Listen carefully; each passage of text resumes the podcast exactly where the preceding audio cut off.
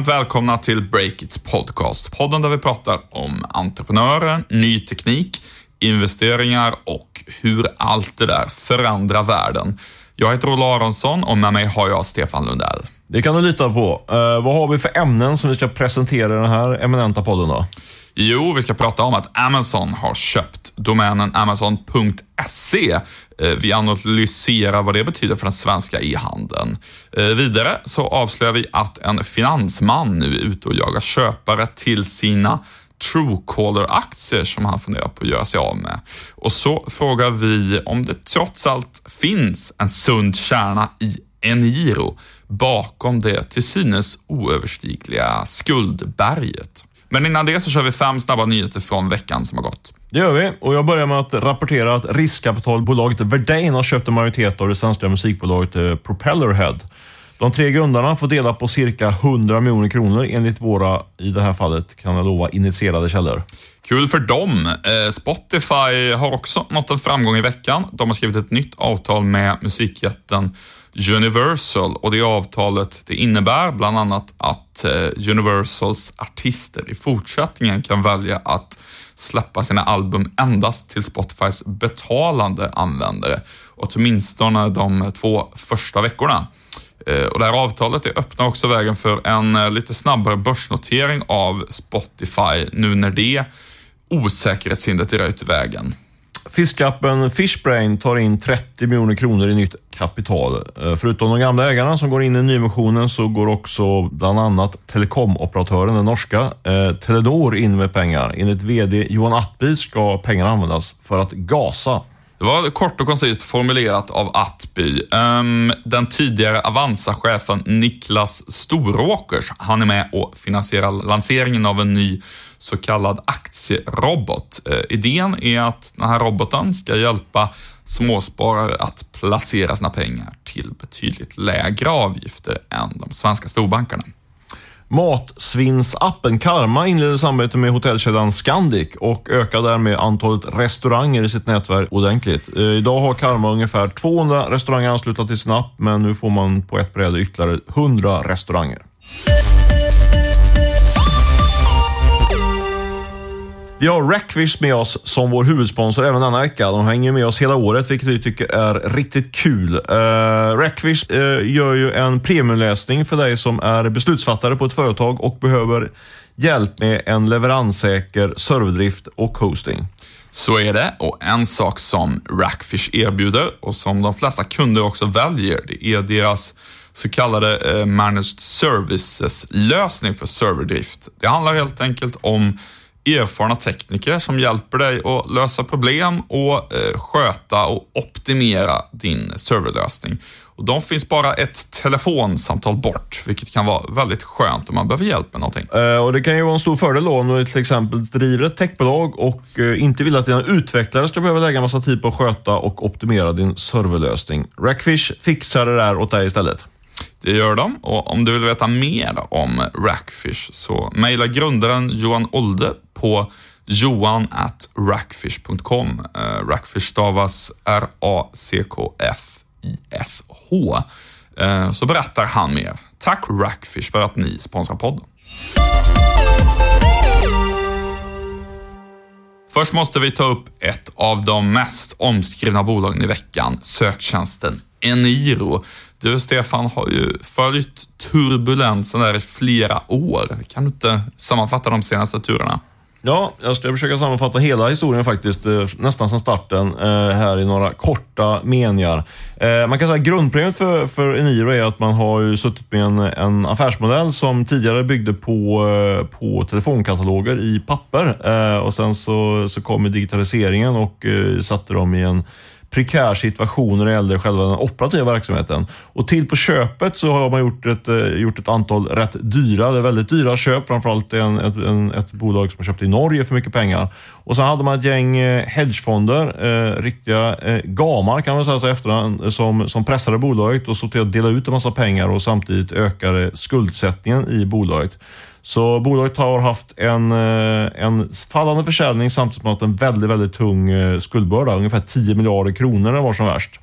Nu är lånen då nere i eh, en och en halv miljard kronor ungefär, men det har varit för mycket det också. Och eh, det var då man har tvingats förhandla med sina banker, ett konsortium på fem eh, banker, alla de stora svenska nordiska bankerna.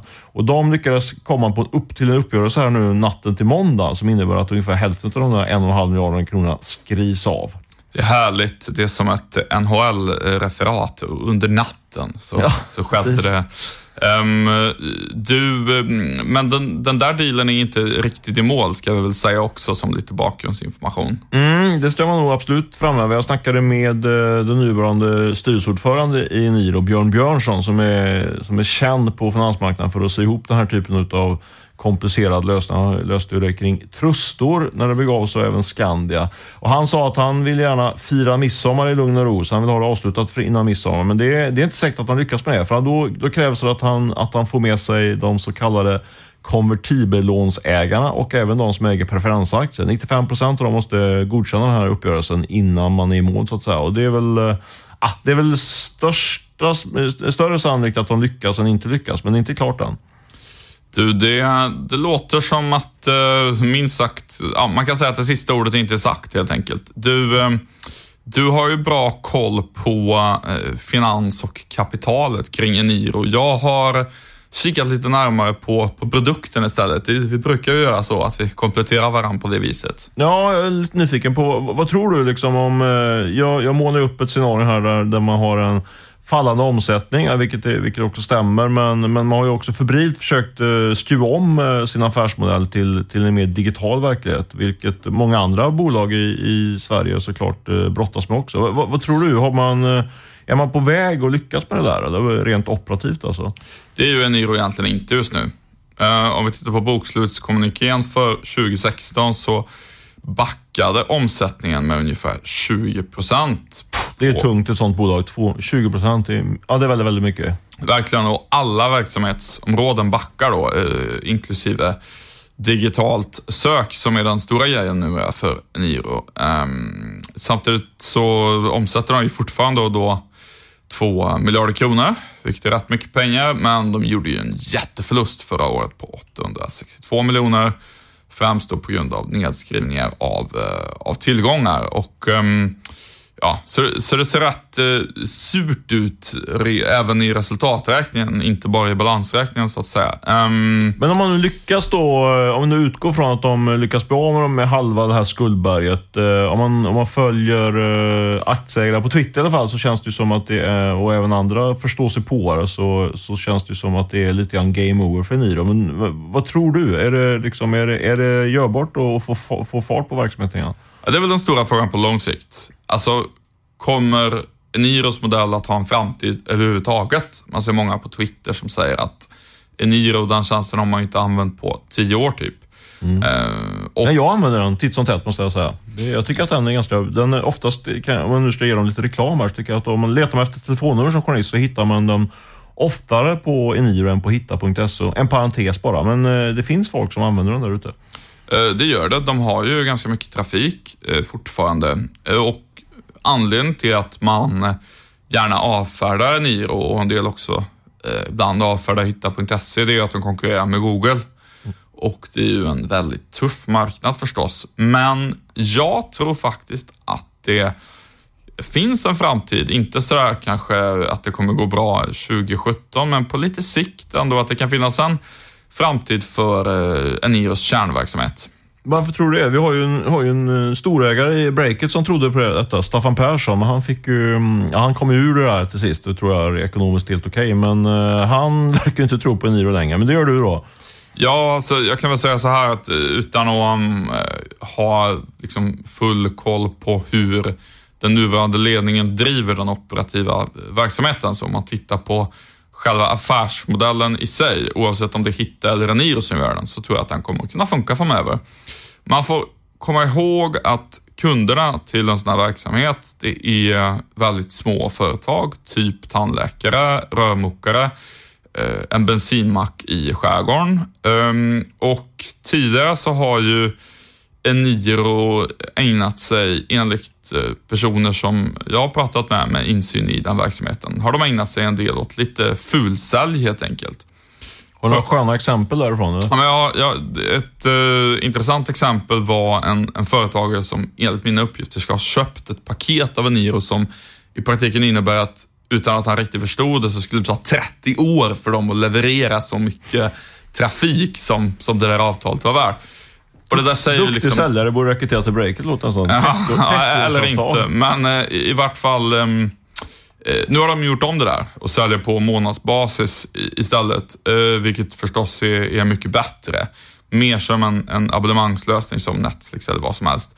Och om man då tittar på de här kunderna, tandläkarna, rörmokarna och så vidare, är det realistiskt att alla de ska anlita en eh, webbyrå, bygga en egen sajt och själva sitta och köpa Google-trafik till dem. Alla de där kanske enmans, tvåmans, tremansföretagen. Förmodligen inte, utan eh, det finns en roll för någon som kan vara ett lager mellan Google och den här gruppen av företagare. Det kan bli Hitta som tar den positionen eller en Niro eller troligtvis både och i, ehm, i någon form. Jag tror att, ehm, eh, eller jag tycker att det är ganska tydligt att det räcker inte med bara Google, utan man behöver ha någon som förfinar och sorterar informationen så att säga för att det ska bli riktigt bra. Eh, typexempel på det här är ju faktiskt flera startups som vi har skrivit om senaste året på Breakit.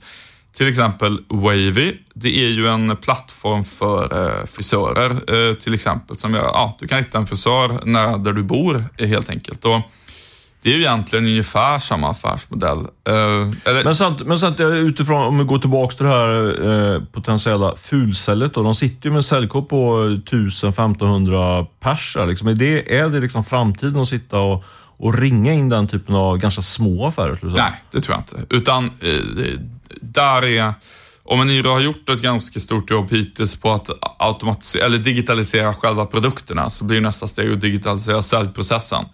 Eh, så tror jag absolut att, att det kommer vara. För att um, det är ju en av de stora innovationerna som Google och Facebook har gjort. Alltså man lägger över köpandet på kunden helt enkelt och säljer i kraft av sin, sin storlek och sitt inflytande snarare än att man liksom ringer och säljer. Så att uh, Eh, så kom, det kommer de säkert behöva utveckla, men, men jag tror liksom inte att den um, den här rollen de har på marknaden är något som inte behövs, om man säger så. Det, det, utan där, där, tror jag de har en chans, eh, absolut. Du, eh, ska vi byta ämne? Ja, det kan vi göra. Intressant eh, affärsanalys utav Eniro. här. Det ska bli intressant att se om du får rätt. Jag tror att du ha, kan ha en hel del eh, kloka, kloka synpunkter där. Eh, men vi byter ämne. Vi ska prata om Amazon, eller hur? Yes. Eh, vår kollega Erik Wisterberg avslöjar ju att eh, amerikanska Amazon har köpt domänadressen amazon.se. Eh, kittlande nyhet. Och personer med uh, god insyn... Från, och det är en reklamkvinna på Östermalm som säljer också. Jag gillar den formuleringen. Just det. Bra, bra rubrikord. En icke namngiven reklamkvinna på Östermalm.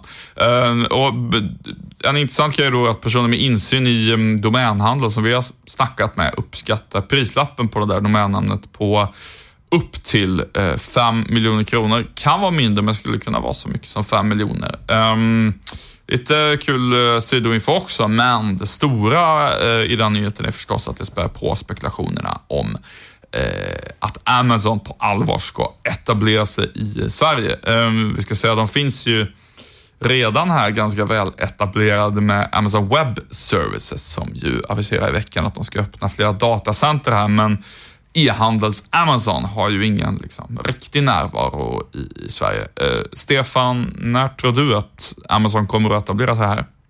Jag skulle vilja direkt lite grann för att säga, korrigera det där. Alltså, jag var in, gjorde lite research inför det här vi skulle snacka om Amazon och, och uh, såg att eh, uh, IDG, uh, eh, hade IDG.se hade en artikel väldigt intressant. Där de, de hade några, några månader på nacken, men där man slog fast att Amazon faktiskt är den sajten utav e-handels sajterna som är, som är den mest besökta av svenska konsumenter. Så Amazon är ju en riktig tungviktare redan idag på, på eh, e-handel mot, eh, mot den svenska marknaden. Ja, men eh, så är det ju förstås. Men är, om man tittar på, mm, när man pratar om en Amazon-etablering, då handlar det ju om etablering av riktiga logistikcenter och så på, på svensk mark för e-handeln. Det är så det har sett ut i andra länder också det där handlar ju väl fortfarande om att de skickar grejer från andra länder. Ja, men så är det. Och eh, jag tror ju, för att svara på din första fråga, jag tror att de, de går in i Sverige inom kort. Eh, de har ju trott ett par år, eh, så, men jag gissar att de kommer i år eller möjligtvis nästa år. Det indikerar väl den här det här att man då ser till att ha eh, domänadressen amazon.se eh, bland sina tillgångar. Eh, så det är väl mitt korta svar på det där. Eh, frågan är kanske mer så här, alltså när de kommer och inte om de kommer. Utan det, det kan man nog slå fast att de är på väg in.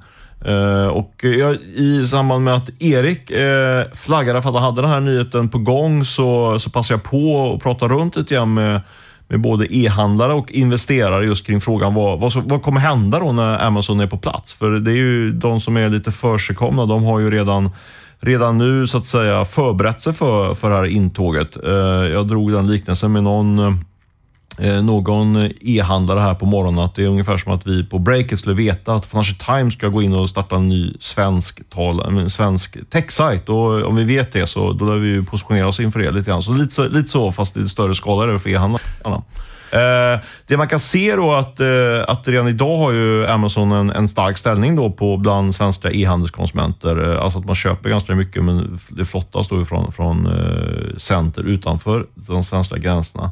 Eh, och eh, det går ju också, det, det som man, det som man eh, pratar kring bland, bland e-handlare och även investerare i e-handelssektorn, det är ju att Amazon är ju framförallt då en, en marknadsplats för, för andra e-handlare som, som de knyter till sig. Och redan idag så approcherar de ju svenska e-handlare och ber dem att, att komma in i, sitt, komma in i, den, i värmen, i Amazon-värmen så att säga.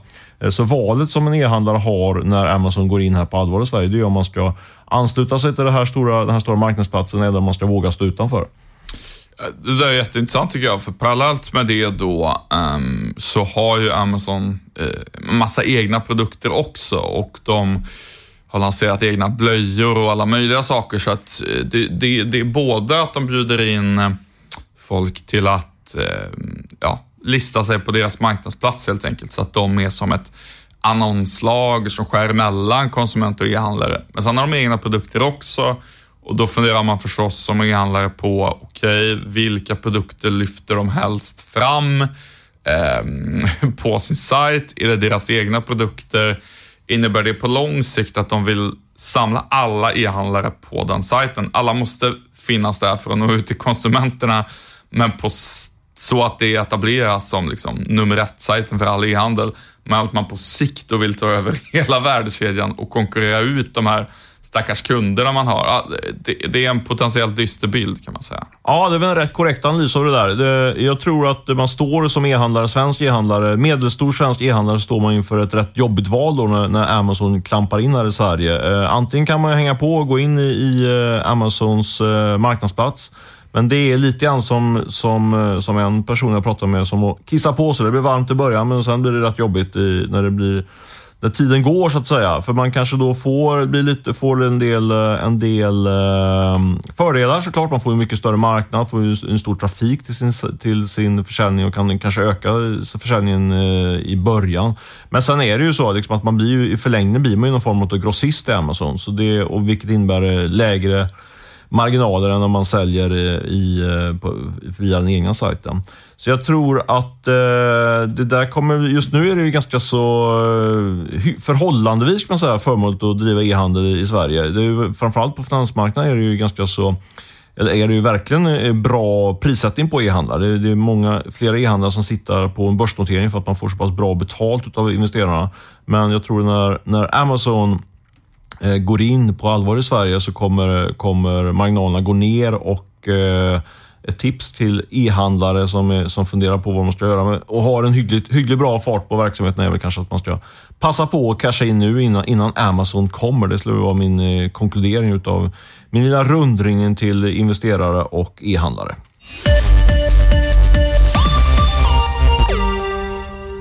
Den här podden sponsras också av Collector Bank, det svenska fintechbolaget som vill expandera kraftigt på B2B-marknaden för e-handel. Yes, det finns ju en stark trend just nu eh, där även B2B-bolag, alltså företag som säljer till andra företag, vill skaffa e-handel. Eh, något som redan har skett på bred front får man säga på konsumentområdet. Eh, och Collector, de är ju snabba att haka på den utvecklingen och därför har de lanserat betaltjänsten Collector B2B Payments. Yes, och med den lösningen så kan du erbjuda kunderna att betala på faktura med 14 eller 30 dagars betaltid. Som entreprenör måste jag säga att det låter som en väldigt smidig lösning. Då slipper jag dra fram betalkortet och istället kan jag välja att låta räkningen gå vidare direkt till vår, eh, ja, via vår fakturaadress och på så vis sparar man ju en hel del tid, vilket man alltid tycker om. Ja, eh, och så kan du dessutom dela upp betalningen på upp till 36 månader, vilket kan vara välbehövligt för att jämna ut eh, kassaflödet och likviditeten. Verkligen, inte minst i Breakits eh, skaka kassaflöde. Testa Collector B2B Payments om du ska starta e-handel inom B2B eller B2B som vi kallar det här på svenska. Och med det tackar vi Collector Bank för att ni sponsrar Breakits podcast den här veckan. Vi har ju rapporterat en hel del eh, om nummerappen Truecaller, både här i podden och på sajten senaste veckorna. Och nu har du, Stefan, lite nyheter i ämnet. Ja, men absolut. Eh, det var ju vdn och medgrundaren Allan Mamedi som var ute i en intervju och pratade bland annat om vad omsättningen skulle hamna på under fjolåret och även i år. Jag tror de skulle hamna på runt 100 miljoner. Och man lanserar också en eh, ny produkt eh, och sa att man skulle vara lönsam under 2017. Det är väl det som har rapporterats främst om de sista veckan här, de sista två veckorna. Av det digital ska vi säga, för att ge dem den credden. Absolut, helt rätt. Det är våra, våra kompisar där på D Digital som, som har rapporterat om detta och gjorde intervjun. Samtidigt så, i, om man tittar vidare lite grann i eh, nyhetsfloden kring Truecaller, så ska jag snart komma till den nya nyheten. Men eh, det är värt att notera då att Tommy Jakobsson, finansmannen, har via sitt eh, Zenit Venture köpt aktier för totalt 120 miljoner kronor. Den sista transaktionen rapporterar vi om här för några dagar sedan bara, där när han köpte ytterligare Truecaller-aktier för 20 miljoner kronor. Men nu, äntligen kom min lilla nyhet här som jag tycker ändå är lite intressant att notera. Det är nu har jag, har jag fått höra att Tommy Jakobsson då via Zenit är ute och eh, försöker sälja en del utav de, sälja vidare en del av de aktierna som han nu nyligen har köpt på sig Truecaller. Jag har tittat på den lilla teasern på, eh, kring, kring detta eh, som innebär att man eh, framgår det att man kan köpa poster på ungefär, eller på exakt faktiskt 500 000 kronor per post och eh, man köper aktierna, det framgår inte där men det har jag grävt fram på annat håll, eh, till ungefär samma värdering då som Tom Jakobsson gick in på eh, nu när han köpte på sig aktierna i Truecaller.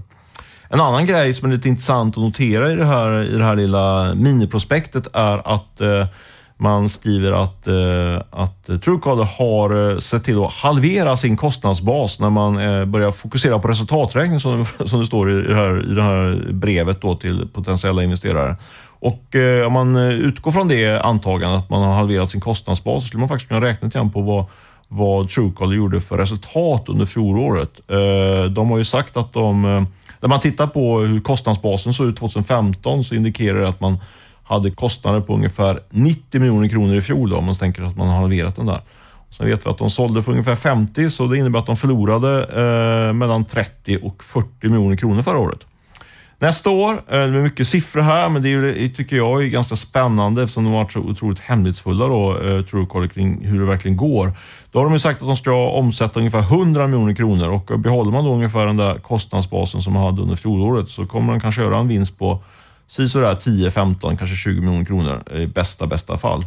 Eh, och då, eh, med risk för att vara tjatig då, så måste jag ännu en gång upprepa att eh, värderingen på Truecaller fortfarande är väldigt aggressiv. Vi vet ju att de värderas till ungefär 3 till 4 miljarder kronor och gör man då en vinst på 10-15 miljoner kronor så ja, det, då, är, det, då betalar investerarna bra. Då tror de bra på framtiden får man säga för det här bolaget. Har du fått någon förklaring till varför Zenit Ventures, eh, Tommy Jakobssons bolag, vill eh, sälja lite av, av sina aktier? Det var, det var ju lite oväntat. Ja, när jag sökt eh, Tommy Jakobsson för en kommentar utan framgång, som brukar heta i, i, i alla fall gamla tidningssammanhang. Eh, så jag får väl spekulera, jag kommer nog få tag på honom förr eller senare, men eh, han är ju på gång att dra en ny fond, Zenit Ventures 2 och eh, det här kanske är ett sätt att, att eh, få in eh, investerare i den, i den. För man köper, det är lite, lite komplicerat, men man köper alltså inte aktier i Truecaller utan man köper aktier i ett, i ett aktiebolag som heter Zenit Venture eh, AB och de i sin tur då äger de här Truecaller-aktierna. Så Ja, jag vet inte riktigt. Det är väl ett sätt kanske att marknadsföra den där fonden. Eh, är man lite elak, så är, eller elak, men det är någon form av riskspridning kanske för Tommy Jakobsson.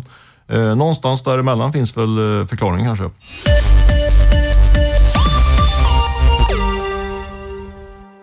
Vi är glada att kunna säga att vi även denna vecka sponsras av Head Agent som bland annat hjälper snabbväxande bolag med att hitta rätt styrelse.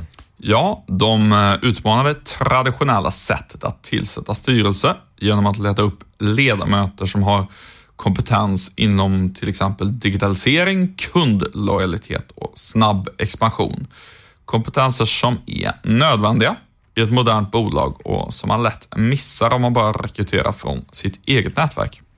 Precis, och det är vad Head Agent hjälper till med. De kan hitta rätt styrelseledamöter åt dig och se till att styrelsen bidrar till att öka mångfalden i bolaget vad gäller till exempel då kompetens, ålder eller kön. Om du behöver hjälp att hitta ny vass kompetens till din styrelse eller ledning, då uppmanar jag dig starkt att gå in på headagent.se. I veckan kunde vi först avslöja nyheten att Klarna, det stora svenska digitala betalteknikbolaget, håller på att snickra på en egen digital kassabok som direkt skulle konkurrera med tjänster som Kapital och Tink. Och bara en dag efter det kom beskedet att SEB, storbanken, lanserar en ny liknande tjänst i samarbete faktiskt med Tink. Innan vi rundar av podden eh, så tänkte jag att vi skulle lyfta upp det här, de här två nyheterna lite grann och spekulera kring hur vi ska tolka det. Olle, du är ju gammal, gammal får man säga, fintech-reporter på Breakit. Vad, vad är din analys? Det är ju ganska uppenbart att de stora spelarna inom finans verkar ha bedömt att den här positionen, alltså den enda app du behöver för din privatekonomi, om man ska summera din rubrik, den positionen tycker många är väldigt värdefull eftersom man då får en så nära relation till användarna. Man blir liksom fönstret utåt för alla möjliga finansiella tjänster. Och då kan man väl på sikt tänka sig att man kan bli lite av ett eh, Facebook för banking, alltså den eh, appen som, som, som alla går in i helt enkelt, som man hittar olika saker via den. Eh, men samtidigt så ser jag en eh, viss oro, eller jag känner en viss oro ska jag säga, när jag tittar på i vilken riktning de här olika tjänsterna är på väg. Nej, det låter oroväckande. Du inte gå runt och vara orolig, Olle. Vad är, det, vad är du orolig för? Jag, jag ligger vaken på nätterna över det här.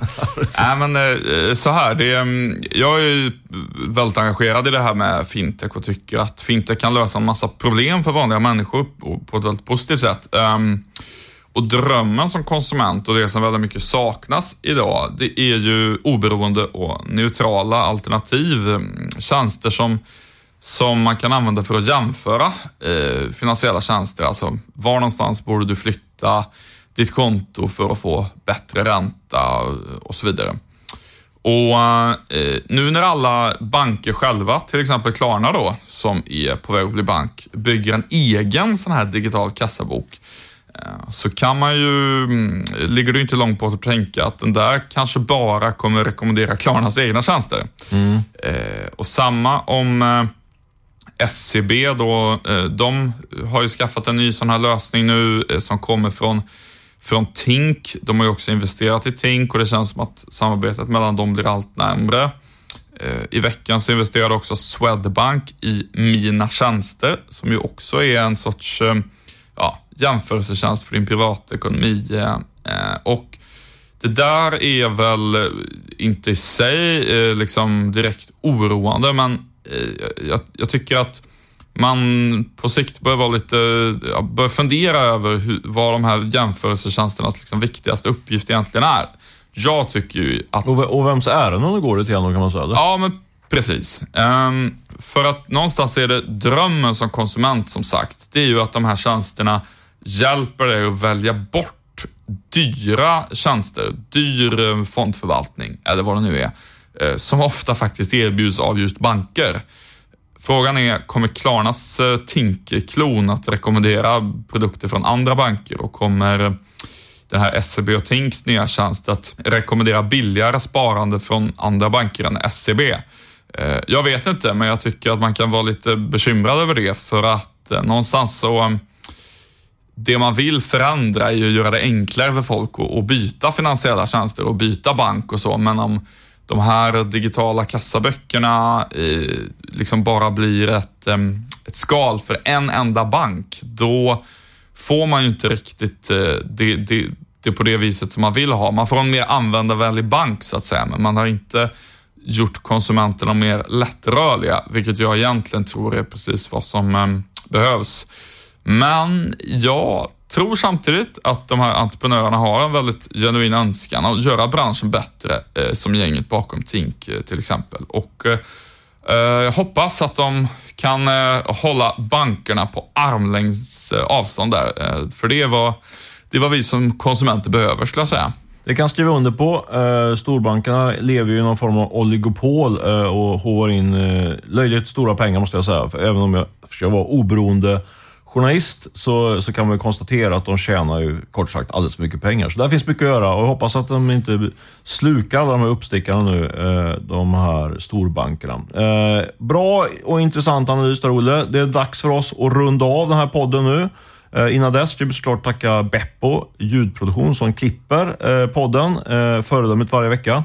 Och så ska vi såklart tacka vår huvudsponsor Rackfish. Har vi något mer att säga, Olle, innan vi stänger ner poddstudion, eller poddlådan för den här gången? Nej, men vi stänger ner tycker jag. Uh, ta hand om er, ha det skönt i solen om det är, vilket jag hoppas, soligt där ni är denna uh, slut på veckan och helg. Ha det gott så hörs vi nästa vecka. Hej då! Hej hej!